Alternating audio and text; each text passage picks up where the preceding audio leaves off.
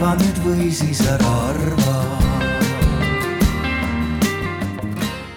tere, vabandan hilinemise pärast, ma läksin valesse kohta. Ehm, aga nüüd ma jõudsin. varsti toibun.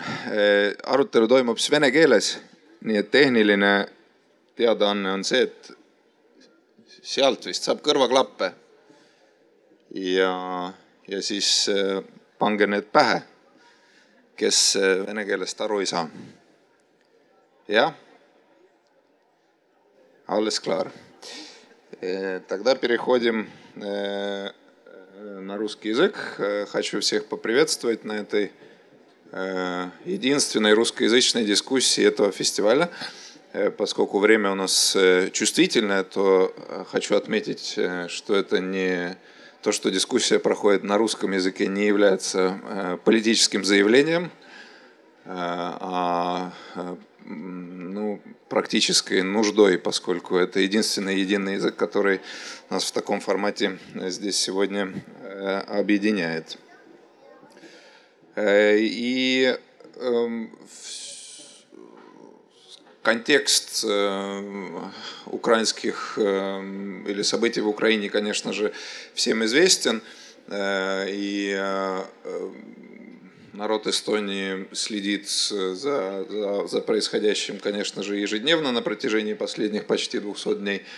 Э, сегодня здесь э, наша цель или наша идея, наш план сосредоточиться в первую очередь на э, гуманитарной составляющей этого конфликта. Ну, во-первых, из-за того, что организатор дискуссии гуманитарная организация и, соответственно, Э, наши гости из Украины, э, помимо э, посла, также работают в этой сфере, так что многие другие аспекты, которые обсуждаются здесь на многих других сценах касательно чисто военных моментов или моментов политического урегулирования, здесь у нас останутся на, скорее на заднем плане, так что сосредоточимся на гуманитарной части этого, этого конфликта.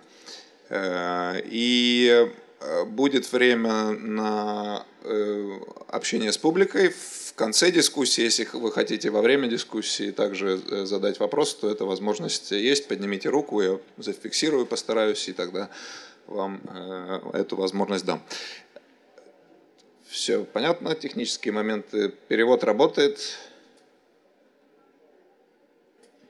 kas tõlge töötab?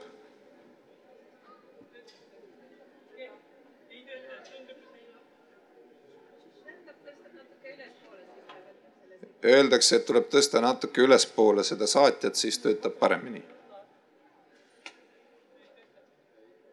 töötab jah? ühesõnaga, loodame siis, et töötab. nii nüüd on tehniline personal hakanud ringi jooksma, kas töötab või ei tööta? jah? Öelge keegi jah. jah. Так, тогда перейдем, перейдем к, к нашей дискуссии. Для начала я дам возможность вам всем представиться. И может, ну, буквально пару слов о себе, кто вы, кто вы и, и почему вы здесь, э, чем вы занимаетесь, как вы связаны с, с, с этой темой. И,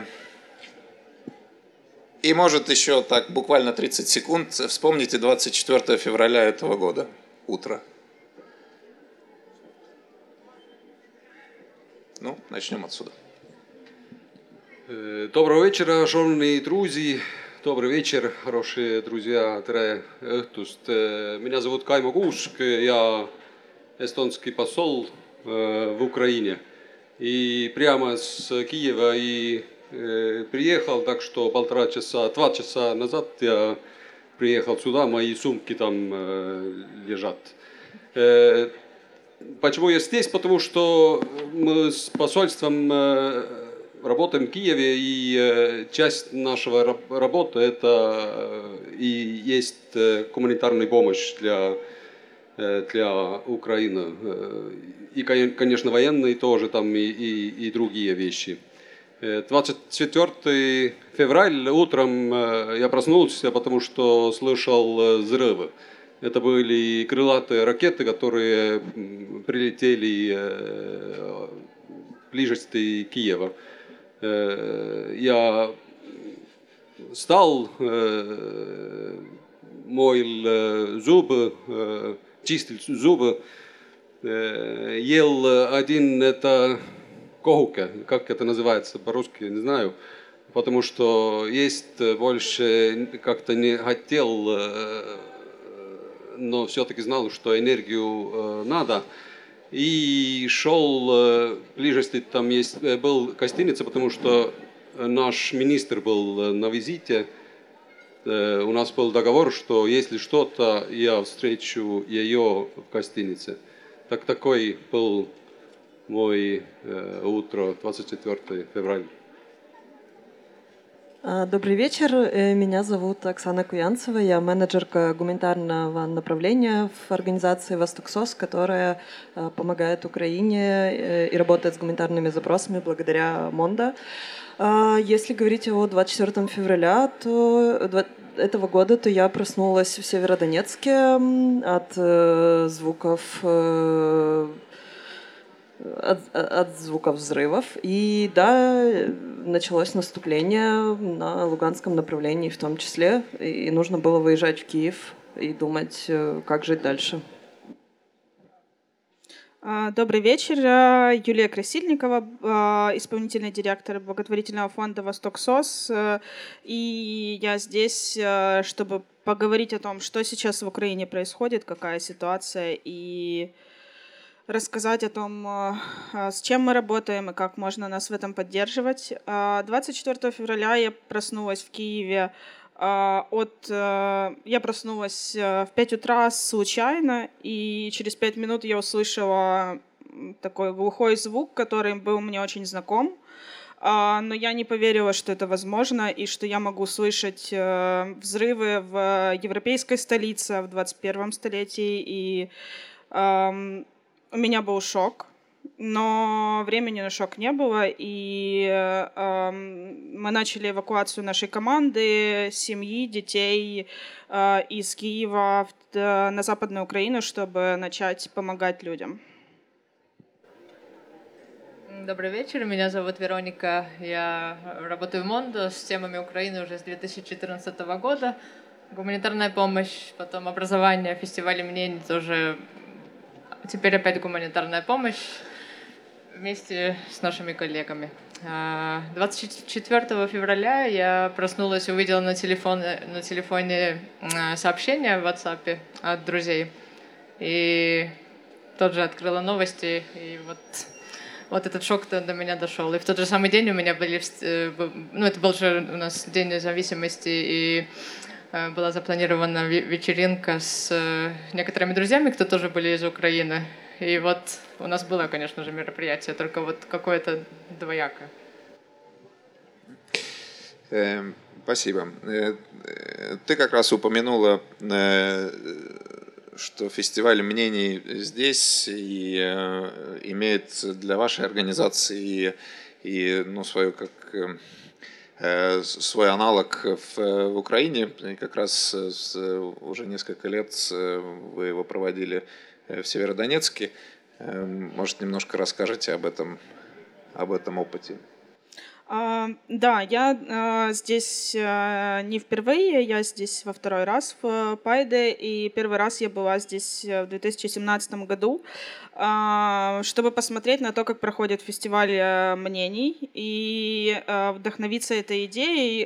И с 2017 года в Северодонецке, в Луганской области, каждый год мы проводили фестиваль мнений. Мы сделали из это таким э, классным культовым событием, такой местной э, традицией, где люди научились говорить, где люди научились э, дискутировать э, на какие-то сложные темы. Э, на последнем фестивале нам удалось уже привлечь местных чиновников, и мы очень уверенно как бы развивали этот формат и, и имели большие планы в этом году тоже. Надеялись 10 сентября встретиться снова в центре Северодонецка и поговорить об актуальных темах, но, к сожалению, повестка изменилась. Северодонецк, к сожалению, тоже сейчас недоступен. Поэтому мне как-то очень символично важно сегодня быть здесь и сегодня здесь говорить о том, что происходит в Украине, о том, что российская армия делает э, и мне важно, чтобы э, тема Украины звучала сегодня. Ну, что интересно, что я в первый раз э, на фестивале думок э, в Эстонии. Но я был в Северодонецке два раза. И, и, и Руслан был там э, год назад, там был э, наш культурный программ тоже э, с вместе ансамблем Супер Cosmos Plus Band. Так что это, да, безумие думать, э, что год назад мы были там, такой крутой фестиваль был там тоже. Вот интересно, да, что я первый раз здесь, в Эстонии. Ну, давайте перейдем тогда, какова ситуация у нас э, сегодня э, в Украине. Может, я не за всех говорю, но мне, мне кажется, что, что здесь у нас, по крайней мере, в Эстонии, потихоньку складывается э, впечатление, что, что проблема решается, что как-то эм, особенно из-за э, успехов эм, вооруженных сил на фронте, э, ситуация стабилизируется. Беженцев, ну, если мы тут весной говорили об украинских беженцах, почти ежедневно следили там за, за, за цифрами, цифрами прибывших, Э, занимались вопросами их размещения и так далее, то мы знаем, что уже и отсюда люди обратно возвращаются в Украину, и как-то ситуация улучшается. И поэтому мне кажется, что для многих здесь эм, сегодня уже, ну, если спросить, э, в какой фазе находится, например, э, гуманитарная ситуация, то скорее люди полагают, что она ну, потихоньку улучшается. Тут Евросоюз э, говорит о том, что начинаем крупномасштабную реконструкцию Э, Украины и так далее. А какая ситуация на самом деле? Э, наверное, если говорить и начинать говорить о э, состоянии, в котором пребывают украинцы сегодня, то это гораздо более эм, сложное состояние, даже чем было на момент 24 февраля, когда все были шокированы началом э, боевых действий. Э, сегодня это та реальность, в которой мы живем, и для нас война еще более острой фазе, чем она была в первые дни, потому что в первые дни это было очень активное наступление, которое впоследствии на некоторых направлениях удалось остановить и деоккупировать э, там, Черниговскую, Киевскую область, э, Сумскую. Но в то же время сегодня ситуация на востоке страны гораздо более критическая. Э, это и Запорожская, и Херсонская, и Харьковская, и Николаевская область. Это сотни тысяч людей, которые находятся в, гуманитарной, в ситуации гуманитарной катастрофы. Что касается гуманитарной помощи, то ее действительно очень много было в начале полномасштабного вторжения и э, задачей номер один было привлекать эту помощь, и мы благодарны э, Монде за то, что нам удалось очень оперативно э, привозить и передавать гуманитарную помощь в виде продуктов питания, и средств гигиены, и оборудованных спаль... мест для сна, многих других необходимых вещей, генераторов и прочего-прочего. Но и это было с первого дня. Но сегодня этой помощи становится меньше, потому что закономерно закономерно, что и те донаты, которые были собраны, заканчиваются, и э, приходит э, ощущение того, что ситуация стабильна, но на самом деле нет. И перед Украиной просто встают новые и новые вопросы, о которых, я уверена, мы будем говорить сегодня, о, о том, какие вызовы нас ждут. И да, э, в Украине все такая же острая потребность э, и в, и в вещах первой необходимости, и в продуктах питания, потому что завести достаточное количество просто невозможно. И э, эта ситуация ухудшается с каждым днем, потому что экономическое благосостояние государства падает, Украина все больше уходит в экономический кризис, и истощаются и все ресурсы, которые есть у украинцев. И поэтому так, ну, необходимость помощи только возрастает, мне кажется, с каждым днем. А, и я, может быть, еще пару слов добавлю о том, какая сейчас э, ситуация в Украине, о том, что такое жизнь в Украине. А, жизнь в Украине — это жизнь в постоянном стрессе, это жизнь э, в условиях э, постоянной воздушной тревоги, это постоянная ситуация, когда ты или должен часами каждый день проводить в подвале, или ты берешь ответственность на себя, что сегодня, возможно, ракета, которая где-то летит, прилетит к тебе и убьет твоего ребенка, там, твоих коллег. И жизнь в Украине — это большой стресс. А, во всех регионах сейчас в Украине нет безопасных территорий. Это сложно понимать, когда находишься здесь, но на самом деле там совсем другая а, ситуация и обстановка. И тоже важно понимать, что Украина сейчас теряет а, продолжает терять территории, но на самом деле самое важное, что мы продолжаем терять людей, и мы теряем лучших людей, мы теряем людей, которые строили эту страну, которые развивали демократические ценности, э, активисты, правозащитники, журналисты, адвокаты, врачи э, пошли в первых рядах добровольцами и гибнут.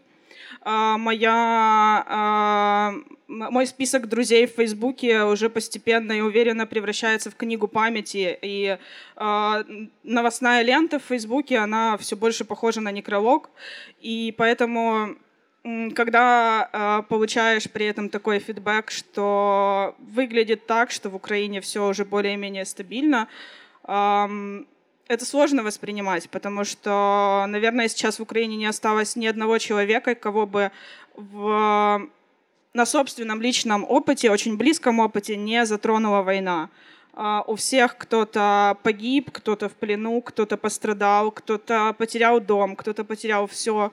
А, и, к сожалению, сейчас очень рано говорить о том, что ситуация стабилизируется и что становится лучше. Но все-таки я думаю, что один вещь э, изменилась, э, если сравнивать э, в начале февраля, там в воздухе был тогда ожидание, будет большая война или нет. Сейчас в воздухе можно чувствовать это ожидание, чтобы ну, когда будет контрнаступление украинцев?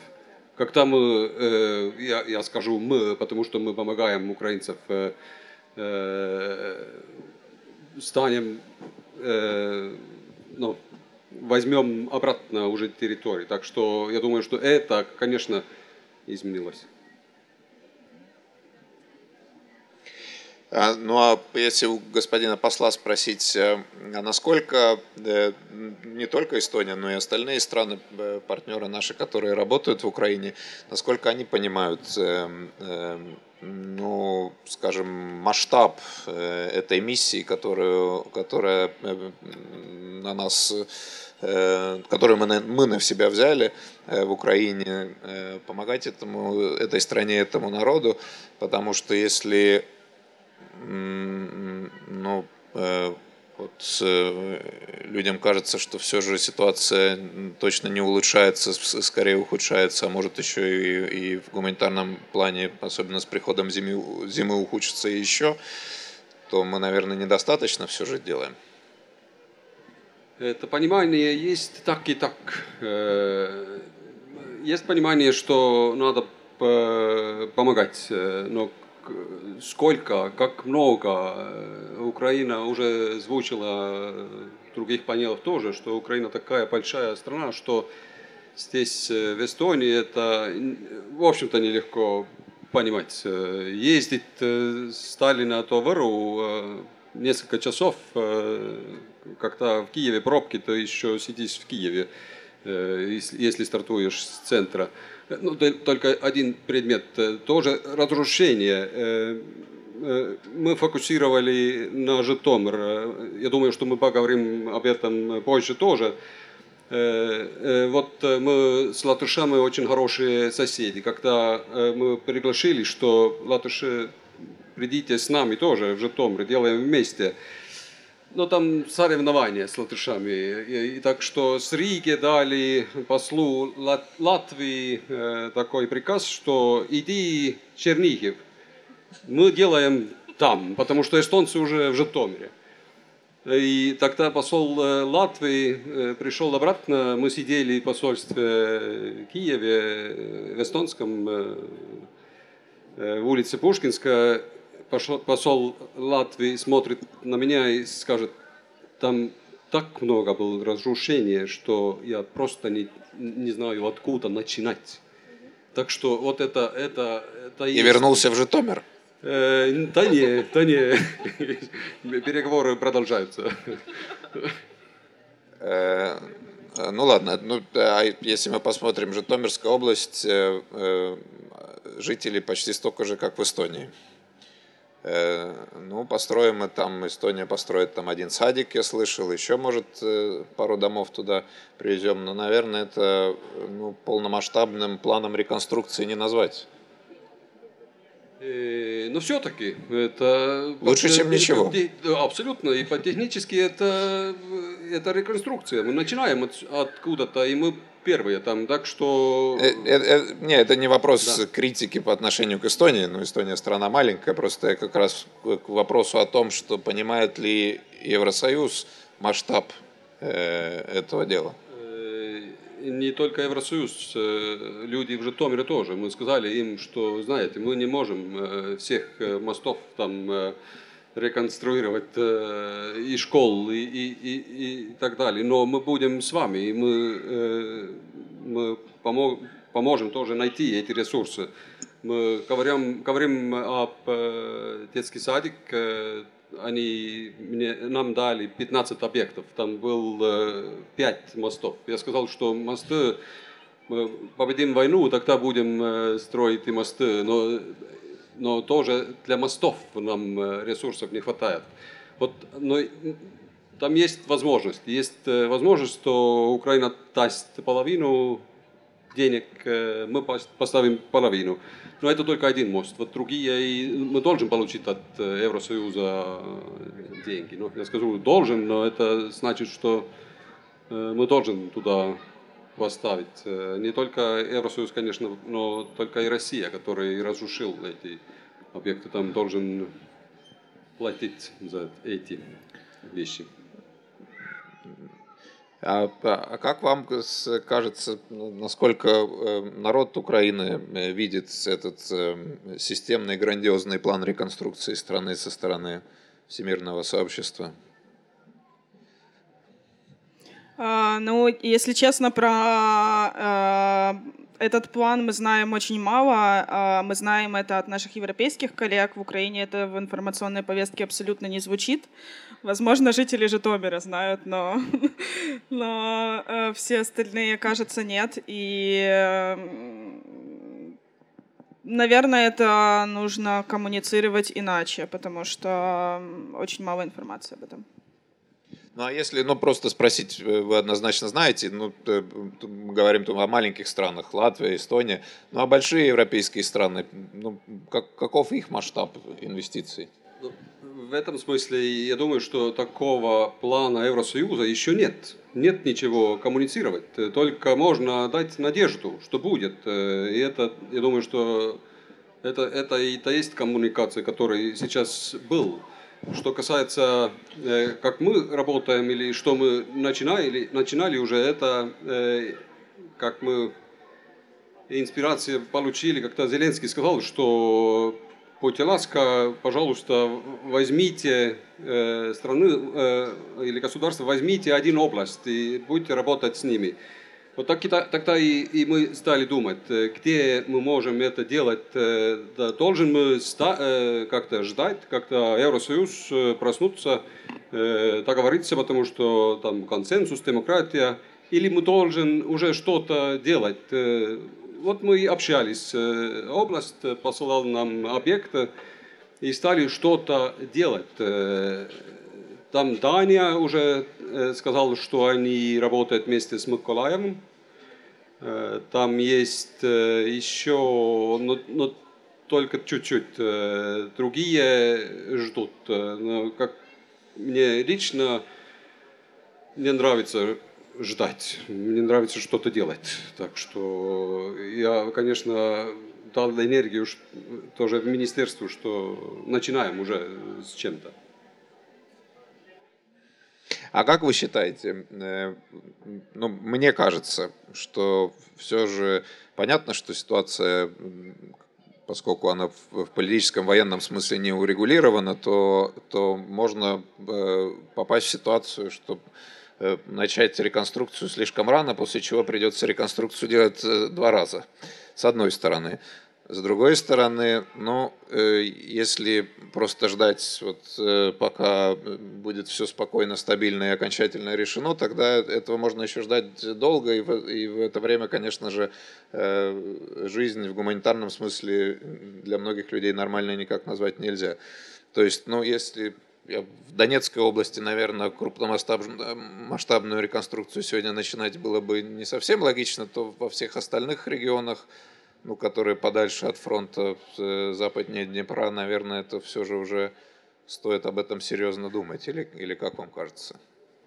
Ну, я вот как раз хотела тоже э, отреагировать э, про Николаев, в котором Дания уже планирует что-то что, что-то начинать, потому что на самом деле Николаев это очень большой вопрос. Это э, регион, который сейчас под обстрелами каждый день. И э, мне кажется, что сейчас вкладывать ресурсы в реконструкцию там абсолютно э, неправильно, потому что мы не знаем, сколько дней простоит э, эта реконструкция и когда нужно будет все начинать сначала.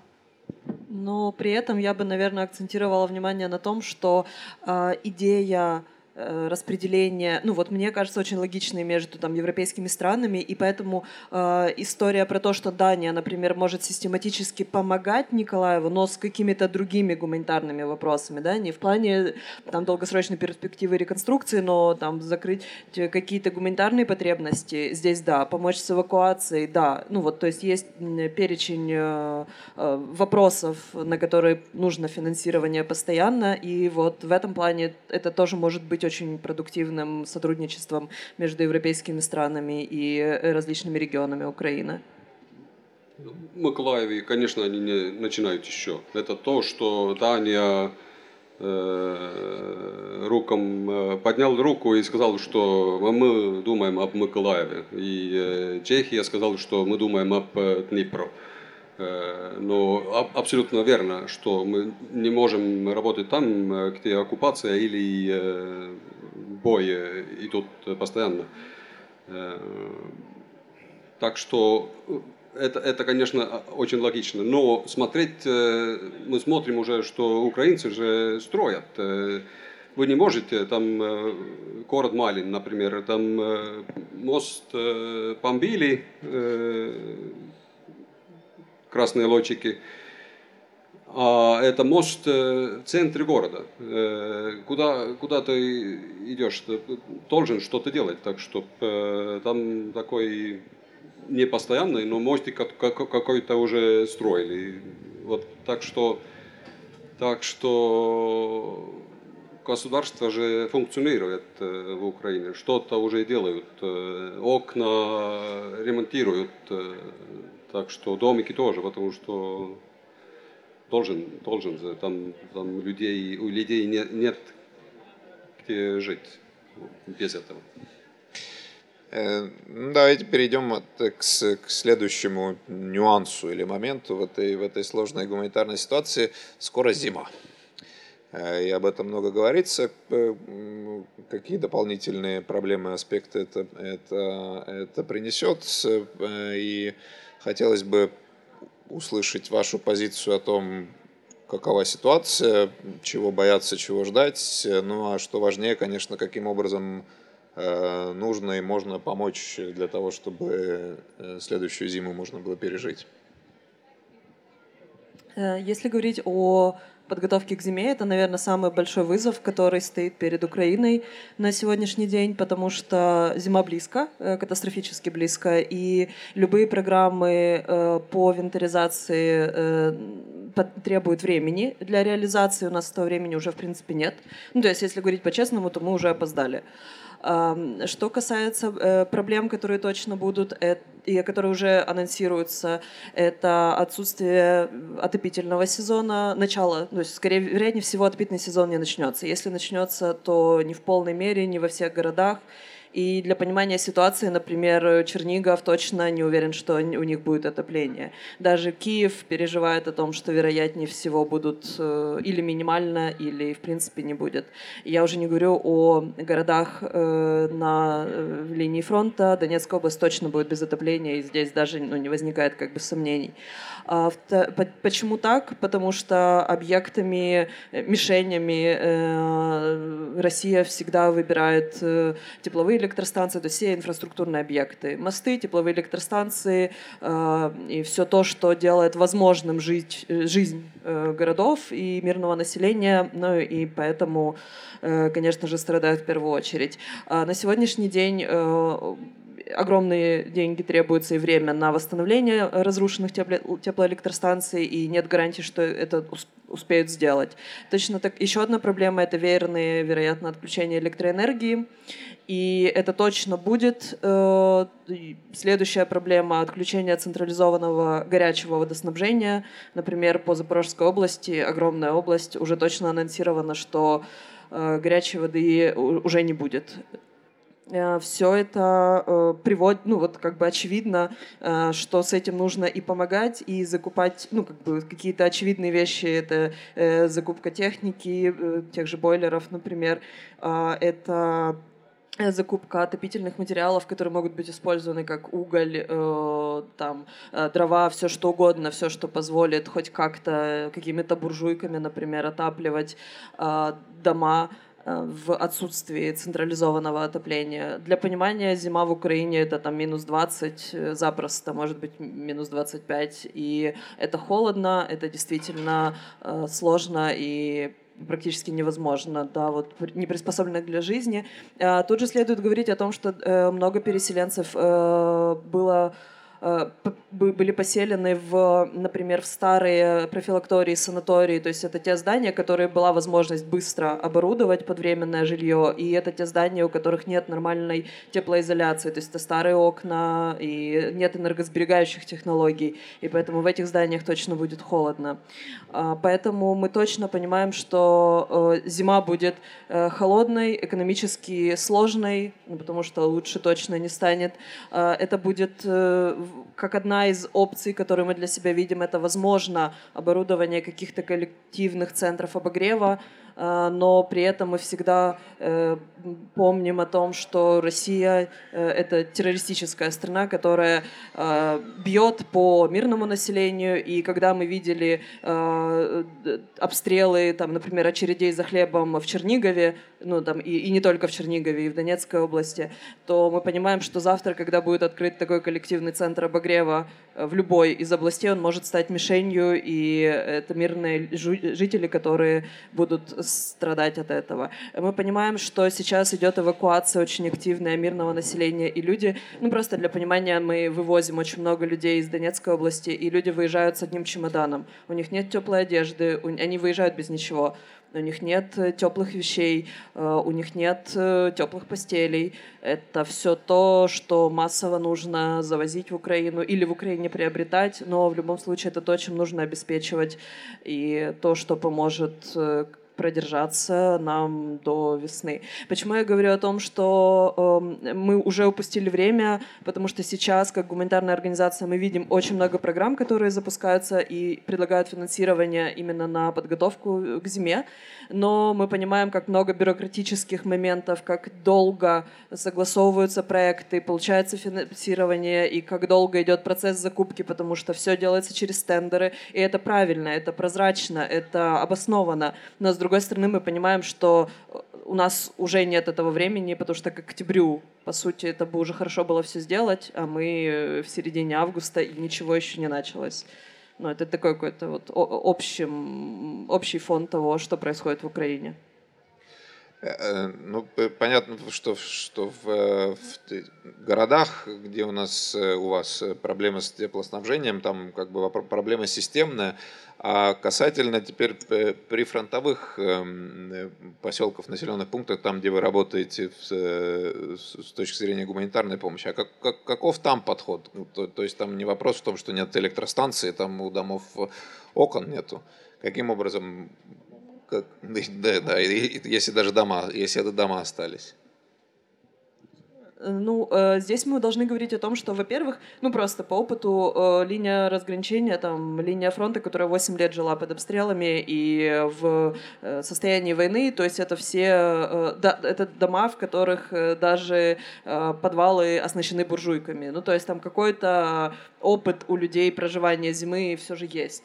А, но здесь тоже есть необходимость э, в том, чтобы завозить э, ну, это отопление вот такими подручными средствами, и вряд ли я скажу какой-то более э, да, оптимальный вариант помощи людям. И, конечно же, эвакуация. То есть как бы мы не говорили о том, что... Ну, то есть проблема в Украине в том, что вывозить людей, конечно же, некуда, и это прям главная проблема, а, потому что все переполнено. Но, с другой стороны, а, вот Донецкая область э, сейчас э, массово эвакуируется, и один из факторов, почему люди принимают решение, очень тяжелое решение для них выехать, и оставить свои дома, это в том числе то, что они точно знают, что зима будет холодной, и никаких способов обогреться и выжить э, у них по, по факту просто нет.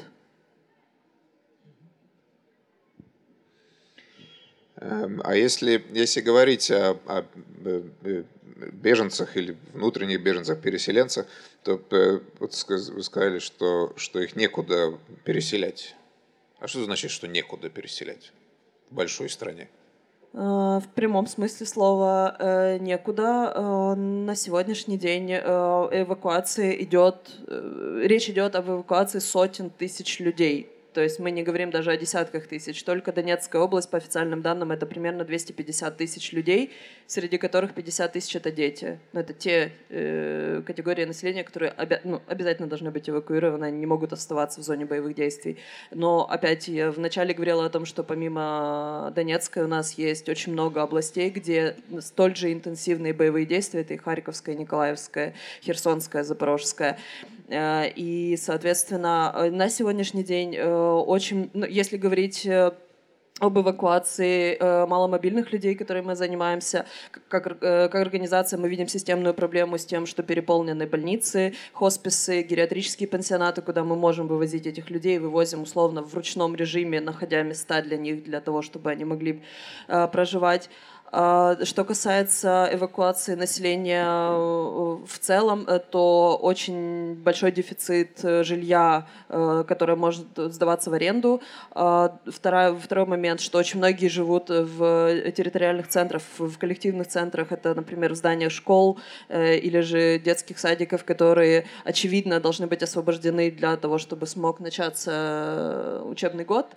И это тоже вопрос. И для понимания просто, как выглядит э, проживание людей в таких центрах. Это, например, спортзал, в котором 60-80 матрасов, и, и люди просто вот на этих матрасах спят месяцами. Ну, в смысле, это не, не день, не два, не три, да, это вот э, такие условия.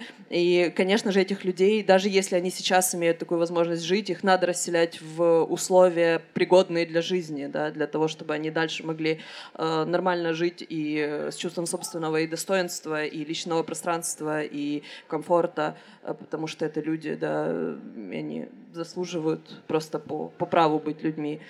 А, поэтому и этого жилья катастрофически не хватает, и мы с этим сталкиваемся ежедневно, ищем всевозможные пути э, вывоза, например, э, наших там тяжелобольных людей, людей вот особо уязвимых категорий там за границу, но и то это тоже в ручном режиме, и это не налаженные на каком-то государственном уровне программы. Плюс у нас до сих пор нет единой программы реновации, например, старых зданий, которые могли быть, могут быть пригодны, тех же самых старых там профилакториев, санаториев, всего чего угодно жилого фонда. Нет какой-то общей ревизии того, что у нас есть и как это, за какие деньги, например, это ремонтировать, э, для того, чтобы тоже оборудовать под временное жилье. Э, если мы думаем о переселенцах, и, и ты сказал 300 э, тысяч, но это дополнительное, это там уже больше, чем 7 миллионов внутри Украины переселенцев. Это, если мы думаем, это Финляндия, Эстония, все население этих две государств и еще побольше ты должен эвакуировать, ты уже эвакуировали. Так что да, да. поэтому не хватает, не хватает мест. Э, ну а в, в этой же ситуации, увы, в мире это же не впервые. То есть в этой ситуации э, международное сообщество же должно уметь э, помогать вот, решить эту проблему. В таком масштабе все-таки нет, потому что 7 плюс миллионов внутри Украины, 6 миллионов покинули Украину, но хотя, скажем, миллион полтора уже возвращали если есть куда возвращать. В Мариуполе некуда возвращать, возвращаться. Так что масштаб другой. Э, мы можем сказать, что сейчас это не мировая война, но, но точно э, мир в войне. Так э, масштаб огромный. А, а насколько, ну, понятно, что отдельные организации гуманитарные работают э, э, и в разных городах, в населенных пунктах, а насколько ну, разные агентства ООН занимаются, помогают э, решить эту проблему? Мне как-то кажется, что, что в этом вопросе каждый городок сам разбирается. Он очень медленно стартовал это что мы видели очень медленно, поэтому мы решили, что мы через он э, дополнительного ничего не дадим. Э, мы э, даже думали, чтобы уменьшить, а, а, поддерживать них, чтобы дать Мондо, Восток СОС и делать сами с, уже прямо с, область, с областями, потому что местное самоуправление – функционировали и функционируют. Это, это интересно. Это не, э, иногда думают, что вот это как в Ближнем Востоке. Не-не-не, это Украина работает, государство функционирует э, как э, хорошо, как возможно. Я думаю, что в, в этой ситуации очень даже хорошо, удивительно хорошо.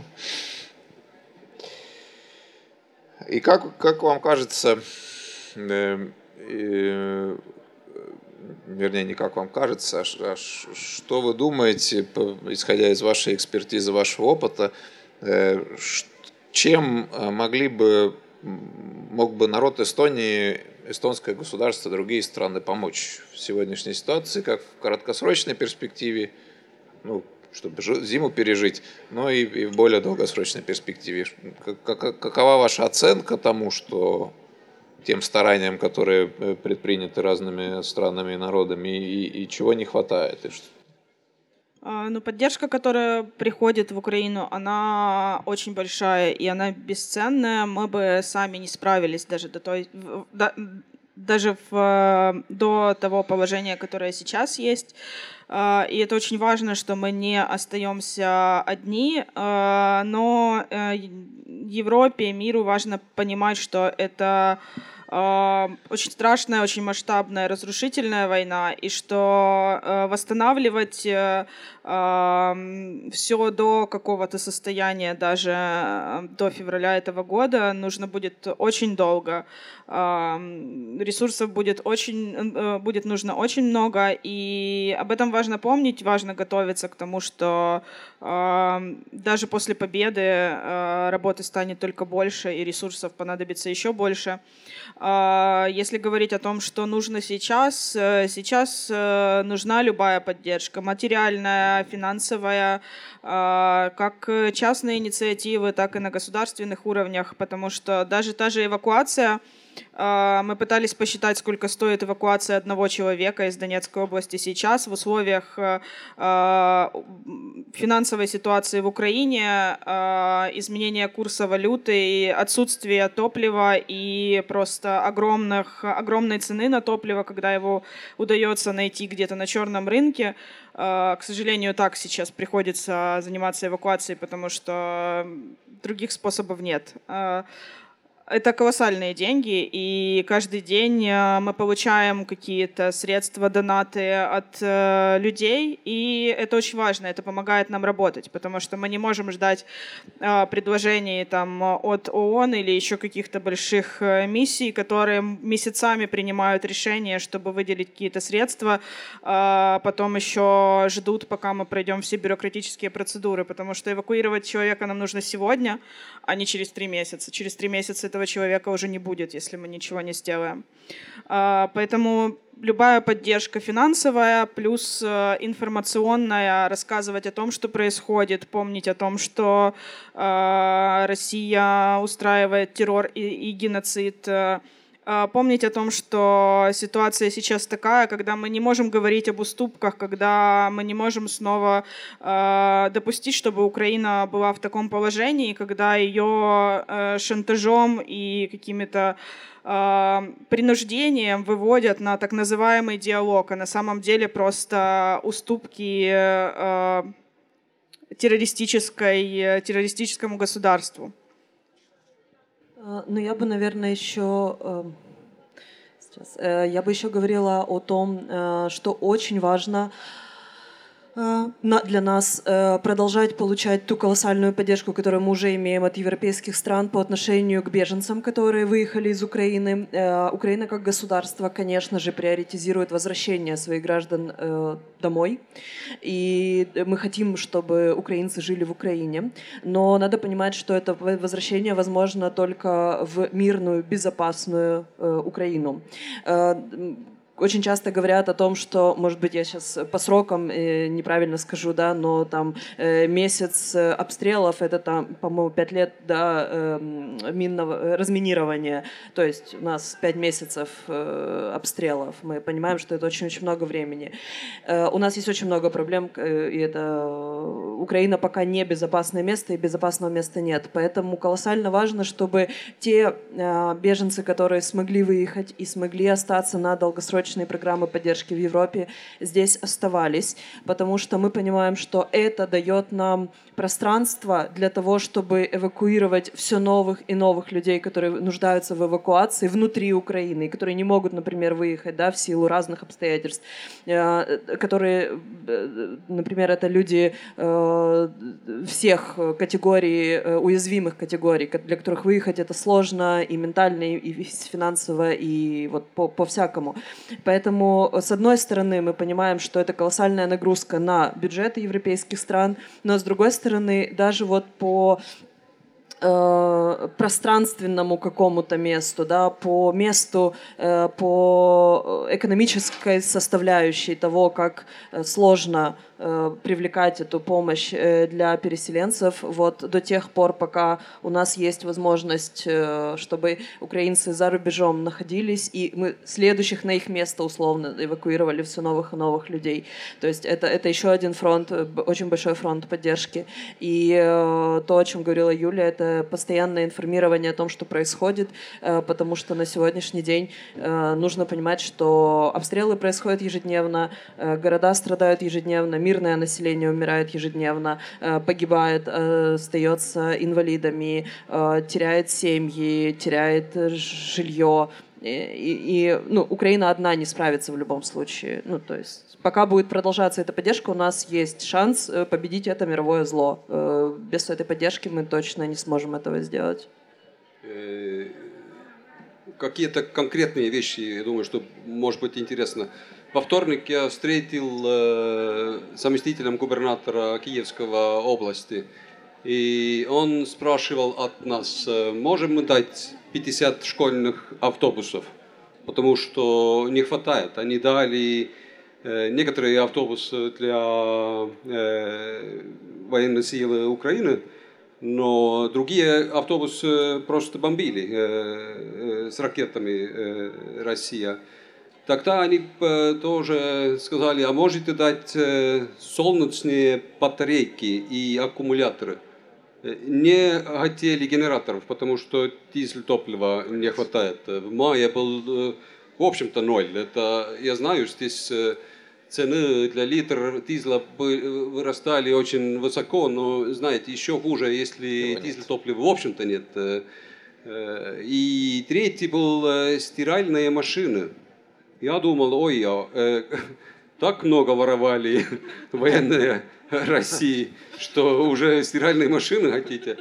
Да, в общем-то, а так-то это был на, только на момент. Тогда понимал, что это переселенцы, потому что, как правильно сказали, это только один э, чемодан и э, два больницы, которые э, Россия бомбила э, в Киевском области. Там э, стиральные машины большие – надо, надо же. Так что они спрашивали такие очень конкретные вещи. А, Но если говорить о конкретных вещах, я, я продолжу чуть-чуть, да, потому что я напрямую работаю в организации с запросами от громад, и мы очень много видим, чего не хватает. И это в том числе ноутбуки, которые мы вот из Монда передаем, но опять запрос всегда больше, чем э, то, что мы в силах все собрать. Почему ноутбуки? Потому что Украина не может выходить полностью в офлайн для обучения, и мы будем продолжать учиться э, онлайн, и учителя, и ученики все требуют требует э, условий для того, чтобы продолжать учиться, и это критически важно.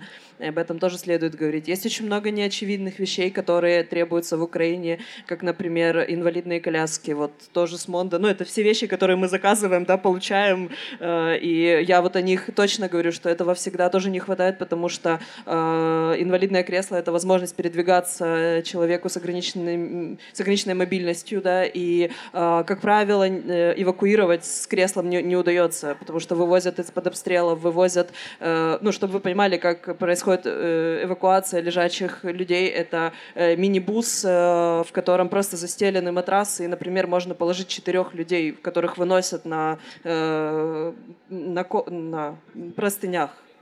Да, то есть этих людей кладут, везут под обстрелами через блокпосты,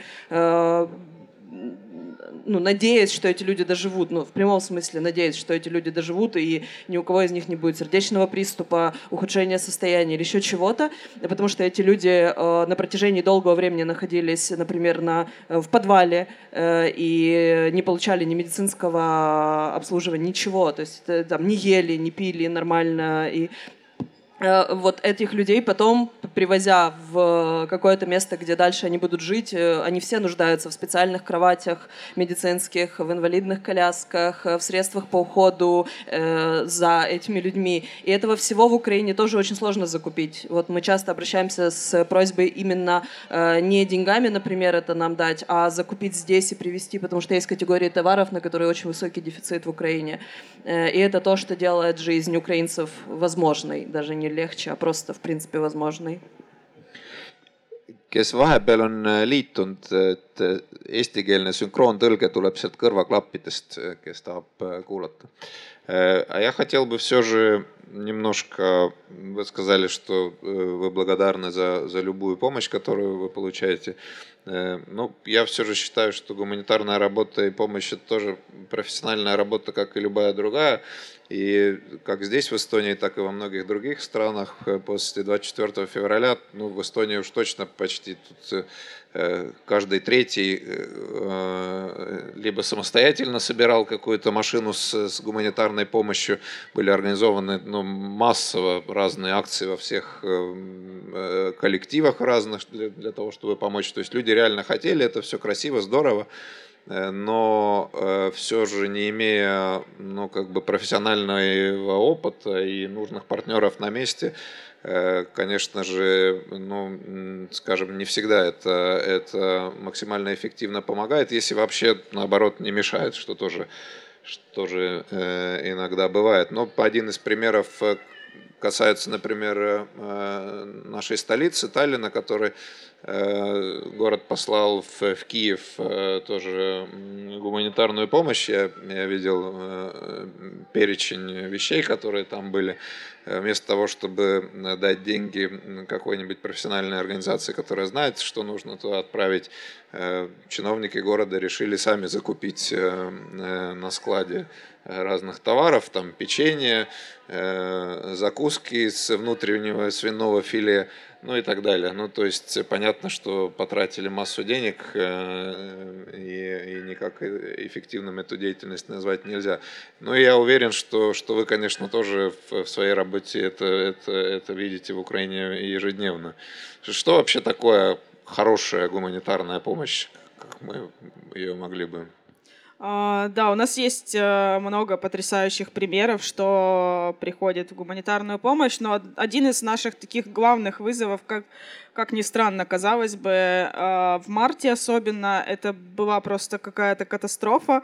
Э, мы в Закарпатье сняли большой склад и столкнулись с очень неожиданной для нас проблемой. Гуманитарной помощи было слишком много, но какая она была? Мы всех очень просили не привозить, вот люди, когда собирали что-то для нас и потом отправляли фуры из Европы, мы очень просили не привозить одежду, потому что люди, которые сейчас выехали в стрессе, а, ну, сейчас нет пространства и времени, чтобы выбирать им там одежду. Каждый там взял с собой свой чемодан, и этого на месяц-два, в принципе, хватает, чтобы жить как-то более-менее в тех условиях, в которых они живут. И нам все говорили, да, да, хорошо, мы поняли, не будет одежды.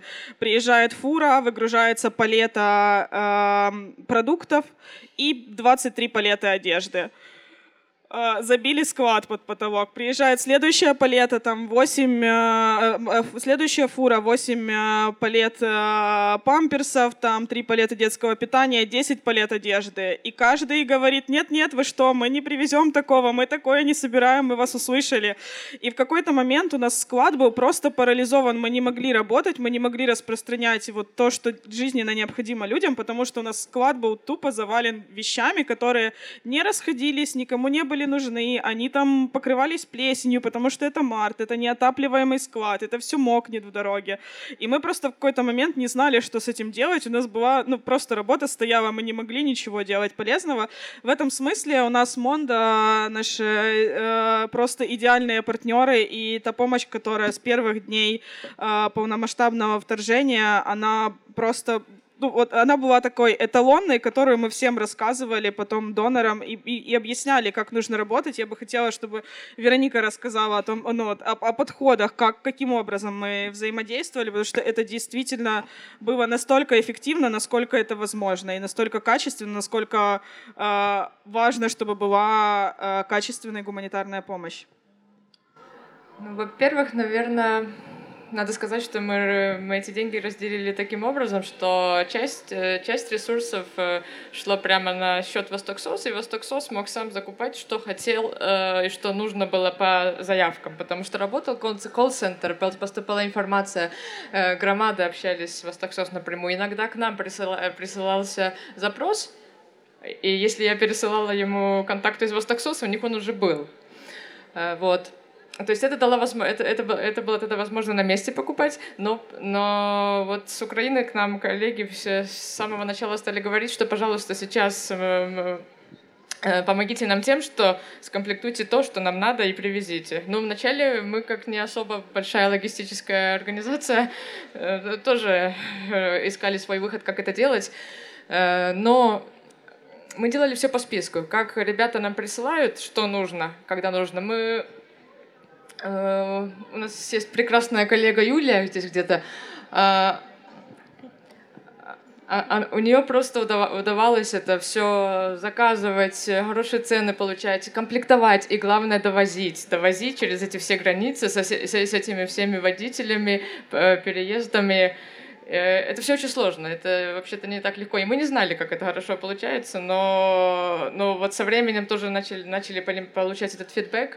И только когда мне коллеги сказали, что наши палеты так сложены, что их хорошо перегрузить и сразу вести дальше уже к, к Днепру и дальше-дальше, потому что просто все систематически и коммуникация между людьми идет, что как что-то лучше сделать, как лучше упаковать то вот это, наверное, и работает. И мы не говорим же только про продукты, мы говорим про вот эти самые же солнечные панели, э, которые, ну и генераторы и всякое такое. Вот, и, и, и, и солнечные панели, которые же до сих пор и в будущем будут использоваться. И, и конечно же, ну, мы, мы имели такой, такой длинный опыт, уже 8, 8 лет работать вместе.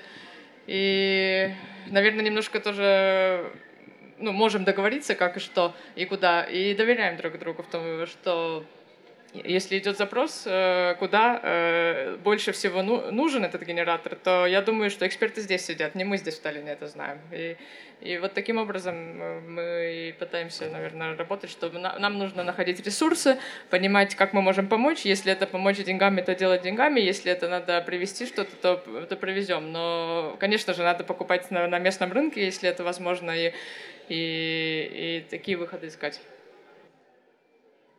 Ну, я, наверное, еще немножечко додам, потому, добавлю, потому что я была с другой стороны, да, вот э, Вероника э, от меня получала там часто запросы на то, что нам нужно и как. И вот когда Юля говорила о случае с одеждой, проблема ведь в чем? Не только в том, что мы не можем раздать. Э, когда мы получаем гуманитарную помощь как фонд, мы не можем ее не раздать. То есть это тоже очень много о бюрократических процедурах. И, соответственно, мы обязаны найти кому, куда это отдать, потому что на нас ложится ответственность за дальнейшую дистрибуцию. Э, и э, это, это тоже вот вызов, да, что когда что-то ну, условно ненужное там поступает, э, с этим потом сложно работать. Я бы добавляла еще о том, что мы с Мондо очень много емкостей для воды в Николаевскую область передавали, где там месяцами не было, в принципе, питьевой воды. И это прям решение, благодаря генераторам работают и работали амбулатории в Черниговской области, области, в Харьковской области, гуманитарные штабы, где выдают гуманитарную помощь, где люди могут прийти зарядить э, мобильные телефоны, любую технику, тонометры и все что угодно, то, что им необходимо для жизни. Э, поэтому э, вот такой гибкий подход, когда мы можем запрашивать у доноров то, что действительно нужно на местах. Он дает возможности нам эффективно работать, э, ну и, соответственно, действительно очень эффективно эти деньги э, распределять. Тут же очень важно понимать, что, например, ситуация марта-апреля — это ситуация продуктового кризиса. Это когда на Западной было огромное количество переселенцев и пустые полки магазинов, в прямом смысле пустые. То есть мы приходили в супермаркеты, э, и мы ничего не могли вообще найти, не то чтобы выбрать, просто не хватало ничего. И тогда нам критически важно было именно завозить из Европы продукты. Когда мы поняли, что что-то мы можем закупать на месте и поддерживать украинскую экономику, мы стали миксовать и какие-то продукты завозить, а какие-то докупать на месте. Ну, это если о продуктах говорить. И вот эта гибкость в плане того, чего дефицит, а что мы можем сделать и закупить у нас, и ускорить процесс, это тоже очень важно понимать, что, что это так вот может работать. А, а, расскажите, вы просто мне вчера рассказали о одном э, случае э, глупой гуманитарной помощи, наверное, это, такие еще есть, что это не только вопрос э, ну, того, что конкретная вещь не нужна, но это и вопрос того, что, в принципе, ну, в каких-то ситуациях раздавать вещи, которые людям в этой ситуации абсолютно неуместны, на самом деле, ну, даже не солидно, можно сказать. Э, да, это... Э, ну, я расскажу сейчас другой пример, который вчера с вами, с которым вчера с вами не делилась. Э, да, у меня большая копилка примеров. Это не наш случай, это случай партнерской организации, которая тоже возила помощь в Северодонецк. И вот они в какой-то момент пришли ко мне, просто поделились по-человечески, показывают, когда в Северодонецке, в принципе, уже не было еды, ситуация была критической, и партнеры, присла... доноры прислали фуру наполовину состоящую из мешков с картошкой, сырой, а, и у этих людей не было возможности готовить, ну, очевидно. А вторая половина фуры была заставлена фарфоровыми чашками. Просто вот стеклянные чашки, которые им, ну, точнее, не фарфоровые, ну, обычные вот чашки, керамические, керамические чашки, да, которые они обязаны, это были коробки, коробки, коробки, 20-тонник наполовину заставленные коробками с чашками в Северодонецк где люди живут в подвалах без воды, еды, туалетов и, и так далее. И, и они просто плакали, потому что они обязаны были это раздать. И у донора была э, четкая позиция, что это только можно раздавать на линии э, огня, да, то есть, э, э, ну вот вот, да. А второй пример, который я рассказывала вчера и делилась, э, это э, пример гуманитарной помощи, гуманитарных э, наборов и продуктовых, и вместе гигиенических. И вот в наборе гигиены для тоже дистрибуции на линии разграничения есть три ну, в числе прочих, есть три позиции. Освежитель воздуха, дезодорант мужской. И третье это вот таблетки для очищения унитазов. Э, ну вот, для смыва, чтобы чистить унитазы. И здесь очень важно понять, что, во-первых, э, в подвалах, как правило, мужчин нет в принципе, ну, в силу многих причин. Во-вторых, унитазов на линии разграничения в селах Донецкой области, Харьковской, Запорожской тоже, как правило, нет. Ну и, соответственно, освежитель воздуха, воды нет. И освежитель воздуха тоже, наверное, неуместен.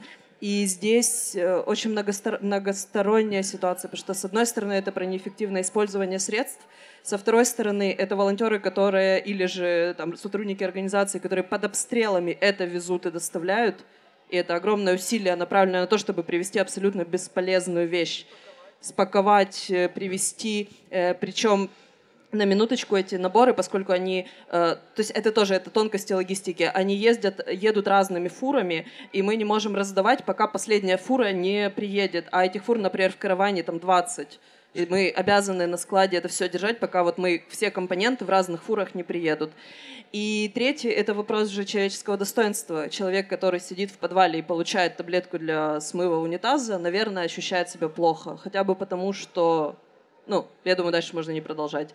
Э, это очень важно вот, понимать, что такого сейчас много. И э, да, мы понимаем, что очень много многие вещи в гуманитарной сфере строятся на принципах э, там, демократического общества, уважения к там, достоинству человека, каких-то критериев того, какой должна быть нормальная жизнь. Но жизнь в Украине, к сожалению, сейчас очень далеко за гранью нормальности. И поэтому очень важно вот эта вклю... ну, вот включенность, эмпатия и, и готовность слушать и, и видеть вообще, что происходит на самом деле. Так что, если хотите поддержать Украину и украинцев, поддерживайте профессиональные организации, которые там работают, в том числе и Монта. Это рекламная пауза. А теперь у нас э, э, возможность перейти к вопросам э, публики, дискуссию с, с публикой. Так что, если хотите высказаться или спросить что-то, тогда поднимите руку. Тогда придет к вам микрофон.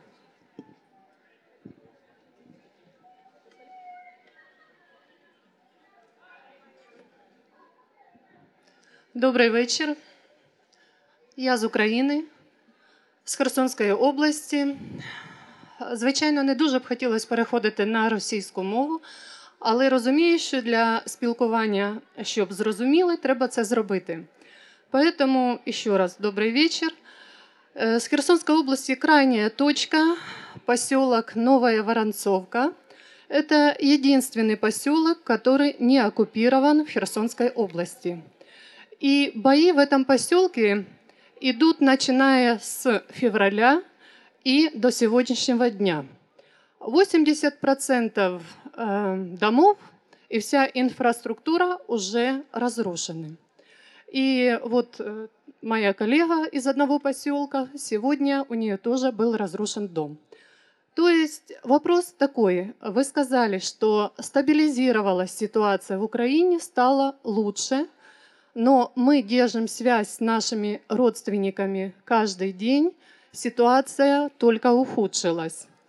От нас через Каховское водохранилище 28 километров до атомной электростанции. Э, Энергодар Запорожская. 6 реакторов, которые заминированы и э, несут угрозу не только Украине, если произойдет взрыв, а и части Европы. Поэтому, конечно, мы очень благодарны за поддержку, потому что мы здесь нашли у вас защиту с апреля. Но вопрос такой, э, какую помощь и как решается вопрос именно безопасности и защиты и решения конфликта, который сейчас на атомной электростанции Запорожской? Спасибо.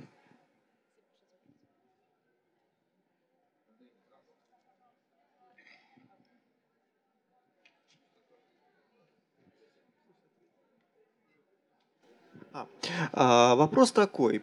А как вы оцениваете вообще деятельность Зеленского а, вот во время войны? Ну, многие его хвалят, и, наверное, и, наверное это правильно, потому что Украина сопротивляется, отвоевывает э, свои территории и вернет все, и Крым, и Донбасс, и Запорожье, все вернет. А, но американская разведка Зеленского еще до войны до, до вот этой фазы, да, до 24 февраля, э, говорила Зеленскому, Россия нападет. Э, может быть, я не прав, но мне сложилось впечатление, что вот до войны э, он скорее э, успокаивал народ, а может, может быть, следовало бы сразу э, организовать какую-то эвакуацию или, ну, сказать, действительно, Россия нападет, и, может быть, тогда бы просто бы мы бы, просто бы вообще бы Украина бы больше бы жизней спасла, уехали бы больше, может быть, женщин и детей, мы бы в Эстонии бы тоже бы приняли бы их, э, мужчины в, в тероборону больше вступили бы и в ВСУ, Э, или, может быть, я не прав?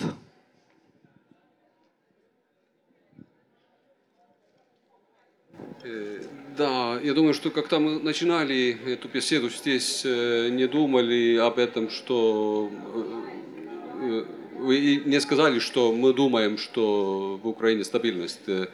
Э, В Европе может быть такое чувство. Если ты смотришь э, наш э, новость, новостную программу новости, вечером они покажут тебе центр Киева, там уже кажется, что ну да, и я там гуляю.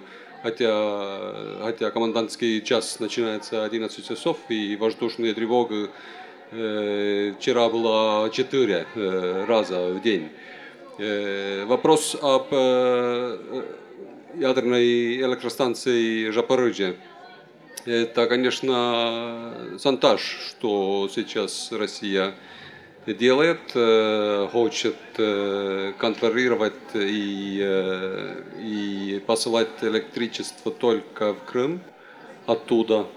Э, Я не думаю, что они э, будут это разрушить, потому что тогда убили бы свой, э, свою армию там также. Это, конечно, безопасность тревожная, потому что там возможность ошибки очень большой. Но если спрашивать, э, разве будет э, мировое общество как-то идти туда внутри э, с военным как-то мощью, я думаю, что этого не происходит. Это так что нам надо поддерживать украинцев, украинскую, украинских военных, так что они могли это как безопасно, как возможно обратно взять. А второй вопрос, наверное, вам.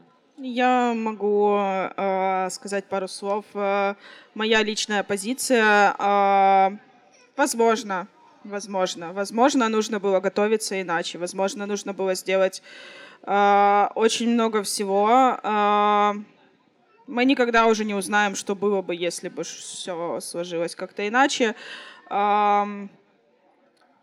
Да, в Украине сейчас очень много вещей делается странно, неправильно. Мы совершаем ошибки, государство совершает ошибки.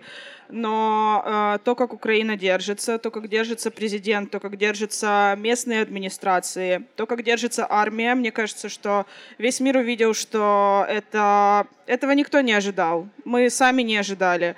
А, и да, есть ошибки, и никто из нас не учился воевать. Э, Мы жили в Европе, э, мирно, ни на кого не нападали и не планировали, э, поэтому мы учимся сейчас на практике и исправляем свои ошибки по ходу.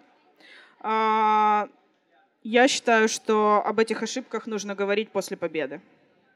Сейчас не, не на часе. Ну и я бы, наверное, по этому поводу э, предложила подумать э, о том, существует ли способ эвакуировать 40 миллионов людей. Это население Украины на момент полномасштабного вторжения.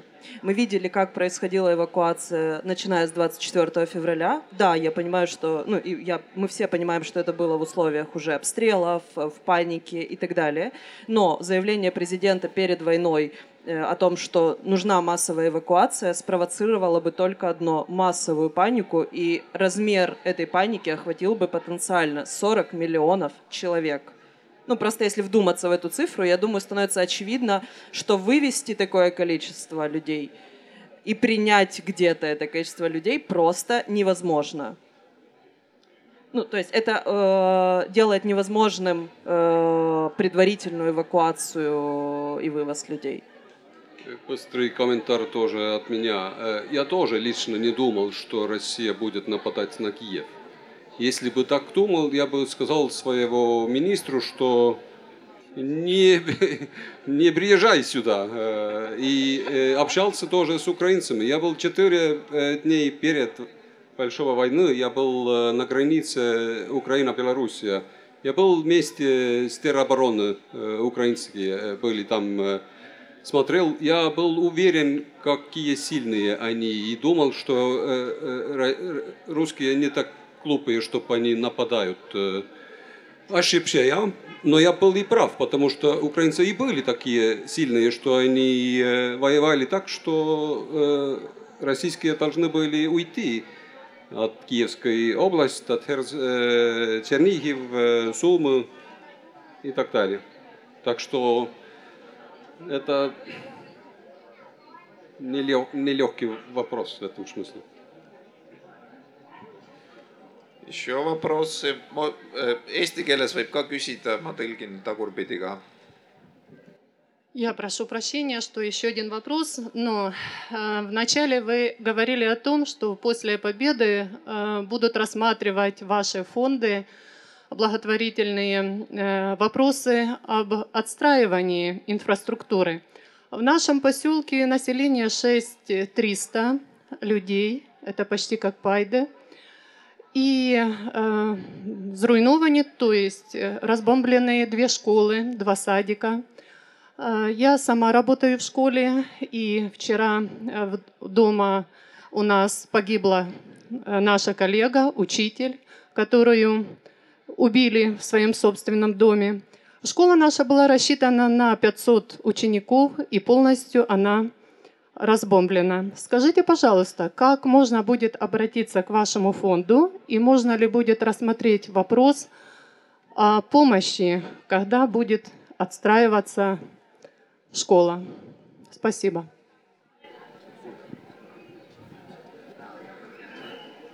Так, э, как говорил, что мы э, взяли и фокусировали свои, э, свои силы на область Житомир, потому что ресурс э, только в Эстонии э, не хватает даже для Житомира. Э, Что будет произойти, я надеюсь, что это будет тоже, э, ясность там будет тоже э, через уже несколько месяцев, то, что Евросоюз поставит вместе фонд. И, и через это будут деньги для, для Украины. Поставлют, чтобы перестроить объекты разных областях. Это невозможно, что Евросоюз только возьмет один э, область. И другие страны тоже. Они, я уже э, этот предмет, что мы эстонцы мы первые, мы делаем уже что-то. Это значит, что э, после вчера со мной говорил посол Канады, спрашивал, а как вы делаете, почему уже делаете, а можно так делать, там а какую область он должен, э, должен взять? Ну и я ответил, что сам должен думать, э, какую область. Э, Тоже говорил со мной посол Бельгии, посол Швей- Швейцарии, потому что мы первые. Вот это, это же это, это момент, как, как, когда ты, ну, мне нравится сказать, компактная страна, не маленькая, а компактная. Сижу в Киеве, и они звонят, звонят мне, спрашивают, а можно встретить, можно спрашивать вещи. Это не я, который спра- э, звонит там. Так что, так что я думаю, что нам ресурсов не хватает, к сожалению, чтобы строить э, школ тоже в Херсонском области, в э, вашем э, городке. Э, Вы, назвали это поселок, но в эстонском стартантов это город, город неплохой. Но я думаю, что, что можно сказать, э, что будет там школа, э, точно будет. И красивый будет. Я, я только добавлю, что, конечно же, э, это сотрудничество по восстановлению будет работать и на разных уровнях, не только на уровне государства, в том числе на уровне местных самоуправлений. Например, в Таллине была делегация из Житомирской области, именно представители местных самоуправлений обсуждали возможности сотрудничества и каким образом город конкретно может в этом, в этом, в этом помочь. Так что надеюсь, что это будет касаться, ну, таким, таким же образом будет работать и в других Э, областях. Ну, если уже, можно я еще реплику, да? да? Если мы уже заговорили о школах, э, просто актуальная цифра там, от Министерства образования на сегодняшний день это порядка двух тысяч школ, э, вообще учебных учреждений, которые пострадали по Украине.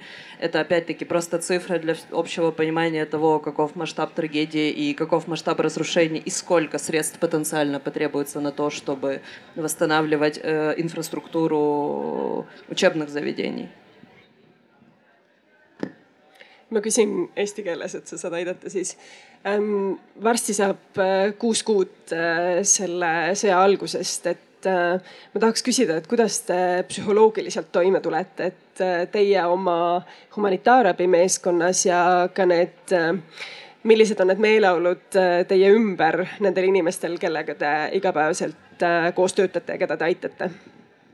Э, вопрос вам, что э, война скоро уже длится 6 месяцев. Э, как вы эмоционально справляетесь с этой ситуацией? Какие, какое состояние эмоциональное в вашей команде и ну, и вообще общая такая психологическая атмосфера в, в, этой, в этом кругу людей, с кем вы вместе работаете? Э, у нас между собой, наверное, в команде есть шутка, когда нас спрашивают, как вы это вывозите, мы отвечаем, что мы не вывозим. Ну, это прям правда. Э, мы все понимаем, что э, вся команда Восток СОС — это переселенцы и дважды переселенцы, которые вначале в 2014 году выехали из Луганской области, были вынуждены выехать, а сегодня были вынуждены выехать из других областей, где проживали.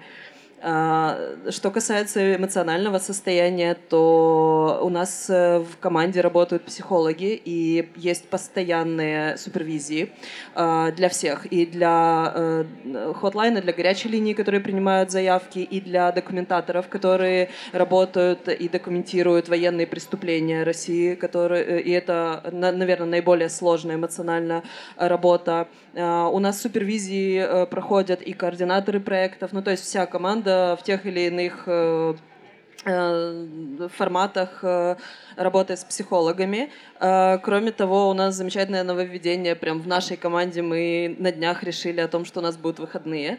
И пока не верим своему счастью, сегодня даже напомнили коллегам, что завтра, пожалуйста, не приходите на работу, потому что уровень жизни и сложности задач был такой, что с февраля, с первых дней марта мы работали просто без выходных, потом научились брать хотя бы воскресенье, а вот сейчас решились вот волевым решением определили еще и субботу, э, так как отдыхать просто надо. И в этом контексте э, для нас очень сложно бывает встречать э, комментарии от людей, которые проживают вне Украины и, например, хотят с нами пообщаться или же сконтактировать на выходных. И часто бывает, что мы говорим, ну, конечно же, отвечаем на звонки, на имейлы и говорим, что, например, я смогу с вами пообщаться, но я не буду трогать коллег, потому что воскресенье у них выходной, и в ответ мы слышим, у вас война, вы, какие выходные.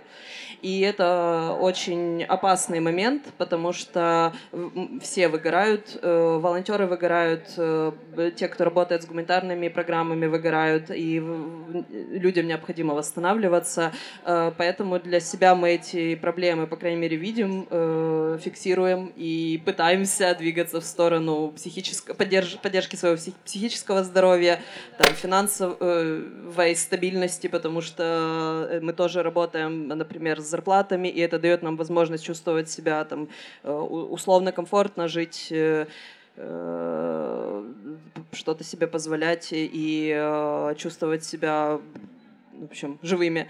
А, ну и в плане там физического какого-то сна, режима дня. Ну, как правило, у нас, конечно, не нормированный, но мы стараемся.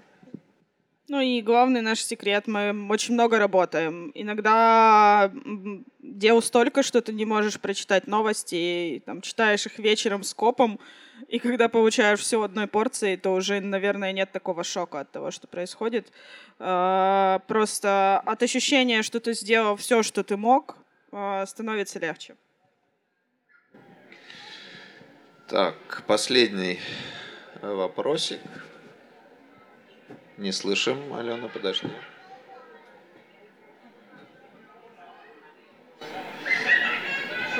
А есть какой-то план у вас э, программы реабилитации военных? Как-то думаете об этом? Ну, как будете работать э, с людьми, которые сейчас в активных боевых действиях? Это же будет большая проблема. И может быть Эстония тоже должна думать уже сейчас. Там будет э, миллионы людей, которые прошли такие активные боевые действия. Что будет я, я повторю для переводчиков.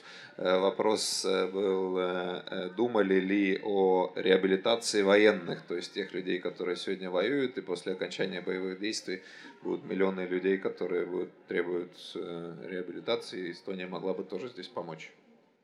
Ну, я отвечу за нашу, про нашу организацию. Мы для себя определили фокус. Это гражданские люди. А, мы, соответственно, об этом сейчас не думаем. Не исключено, что когда-то мы придем к той ситуации, что и там а, нужна будет наше участие. Но пока очень, многие, очень много в Украине организаций, которые помогают военным, которые работают профильно с военными. Мне кажется, что гораздо меньше, чем с гражданскими, поэтому мы просто для себя определили вот эту свою сферу и, и работаем, стараемся быть профессиональными, эффективными э, там. Э, я могу сказать, что эстонское государство работает, работал уже прежде, потому что война длится уже больше, чем 8 лет. Э, мы не афишируем этот сектор, потому что там конкретные люди, конкретные имена – и, э, конечно, противник ищет такие имена тоже. Так что этот сектор мы не афишируем, но мы работаем в этом э, направлении.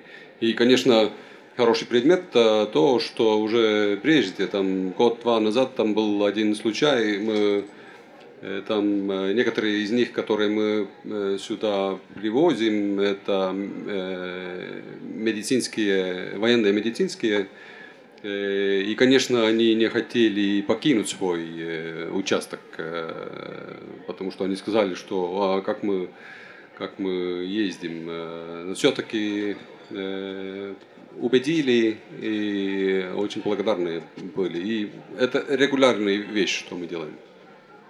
Можно? Я последняя ремарка, и мы заканчиваем, да, что э, говоря о войне, э, более очевидно, что пострадавшие люди это военные, это ПТСР и все, что с этим связано. Но на самом деле в Украине следует э, точно говорить о том, что э, нет психически здоровых э, людей или людей, которые бы не были травмированы. И поэтому для нас, как для фонда, вот Юля говорила о том, что мы работаем с гражданскими людьми, и э, вот эта коллективная травма э, травма переселенцев, травма людей, которые были в зоне боевых действий, травма людей, которые теряли близких и очень-очень многие другие травмы. Это как раз тот фокус, который для нас актуален и, и с которым мы работаем. И предполагаем, что он только будет возрастать и возрастать запрос, потому что гражданского населения пострадавшего в разы и разы больше, чем э, военных. И, и последний вопрос я, я бы всем задал. Э, я как политолог по, по образованию не могу э, воздержаться. Насколько э, повлияло, э, на ваш взгляд, на ваш взгляд, как члены украинского народа и, и вы как такие пристальные наблюдатели процесса, эта коллективная травма, как, как вы ее назвали, повлияла на, ну, я бы сказал, самоидентичность украинского народа, на сплоченность общества вообще, поскольку, ну, скажем, политическая история Э, Украины, начиная с 91 э, года, такая, ну, не, не, не прямой вектор развития, а скорее ну, э, от, от одного такого конфликтного момента к другому. То есть насколько этот момент мог бы стать ну, в будущем таким новой нулевой точкой для, для, для политического развития общества. Ну, давайте, может, я начну, да. Окей. А, Но если есть такая вот бытует мнение о том, что независимость э, никогда не подарок, э, и независимость всегда нужно заслужить, э, выбор, то, как мы говорим по-украински, за нее надо бороться, да, за независимость и за право чувствовать себя нацией и быть сплоченными. Мне кажется, что Украина сейчас, Украина сама от себя не ожидала, что мы сможем так много и в таком едином порыве, и забыв о каких-то противоречиях, и э, объединившись э, ради единой цели. Поэтому мне точно кажется, что мы стали нацией, и вот мы становимся с каждым днем э, все сплоченнее и сплоченнее, несмотря на любые отличия, которые у нас есть. И вот этот культурный код нации, национальная идентичность, она сегодня формируется какими-то семимильными шагами. И это такой процесс необратимый, он уже запущен и точно дойдет до своего пика. Да, я тоже поддержу Оксану, и э, мне кажется, что сейчас для Украины происходят очень важные процессы. Э, сейчас формируется какое-то колоссальное гражданское общество, когда, э, кажется, каждый что-то делает для победы, э, для помощи пострадавшим, для помощи военным. Э, просто каждый день какую-то мелочь, э, какой-то донат, э, какую-то маленькую активность, э, несмотря там на свою усталость, занятость, каждый нашел для себя свой вот этот вклад, чтобы почувствовать, что ты тоже часть наших маленьких, но, но важных побед сейчас. И э, то поколение, которое выросло в условиях войны, э, которое как бы длится это не на самом деле не шестой месяц, а восемь лет, а, оно другое. Оно другое, и оно будет другим э, совершенно. А, мне кажется, что действительно для Украины сейчас очень важные процессы будут происходить в дальнейшем. А, совсем другой подход э, и вектор развития начинается, и это очень плохой болезненный опыт для нас, но я думаю, что мы из него возьмем много важных э, вещей, которые с нами останутся. А, сейчас происходит э, такая лагидная украинизация, когда люди абсолютно сознательно отказываются от э, русского языка, от русской культуры, а, сознательно, добровольно, потому что им нравится изучать свою историю, то, чего не было, к сожалению, все эти годы, то, в чем э, Украина проигрывала и совершенно не работала. А, сейчас это уже пошло на уровне желания и потребности от самих людей, и это очень важный процесс. Э, вижу рост э, самоуверенности, то же самое, что вы сказали, и тоже я думаю, что это чувство в каждом, что он она собственник этого государства. Э, это как э, ускоренном темпе как-то растет. Ну наверное, э, действия России влияли уже и раньше, не, не, не только же сейчас.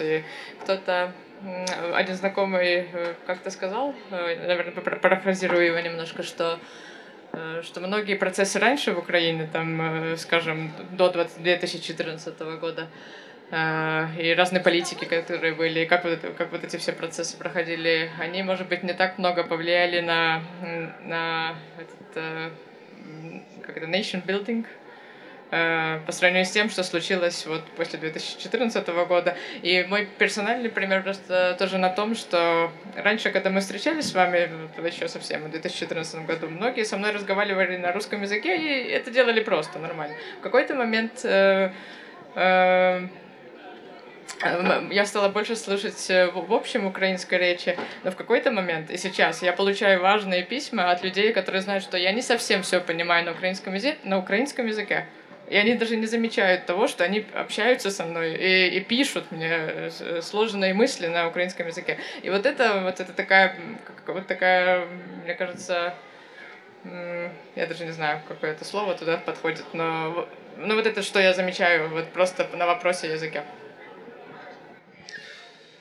Так, спасибо э, э, вам, желаем вам силы и удачи в вашей, в вашей непростой миссии в разных ролях.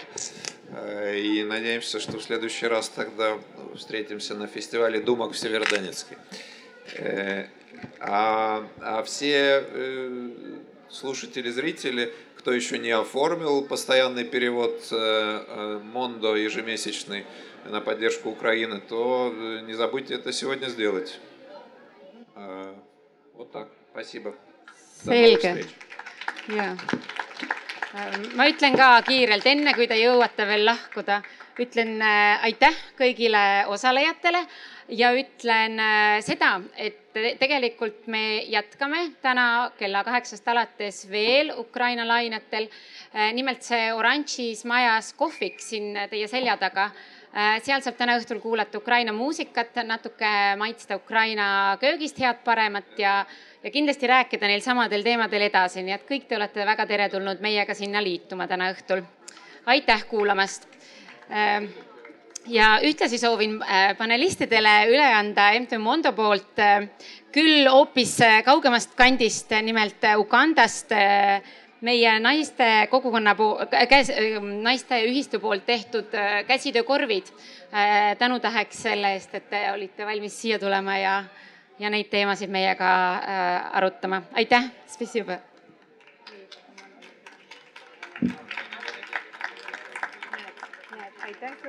selge see, et ega kõike kõike teha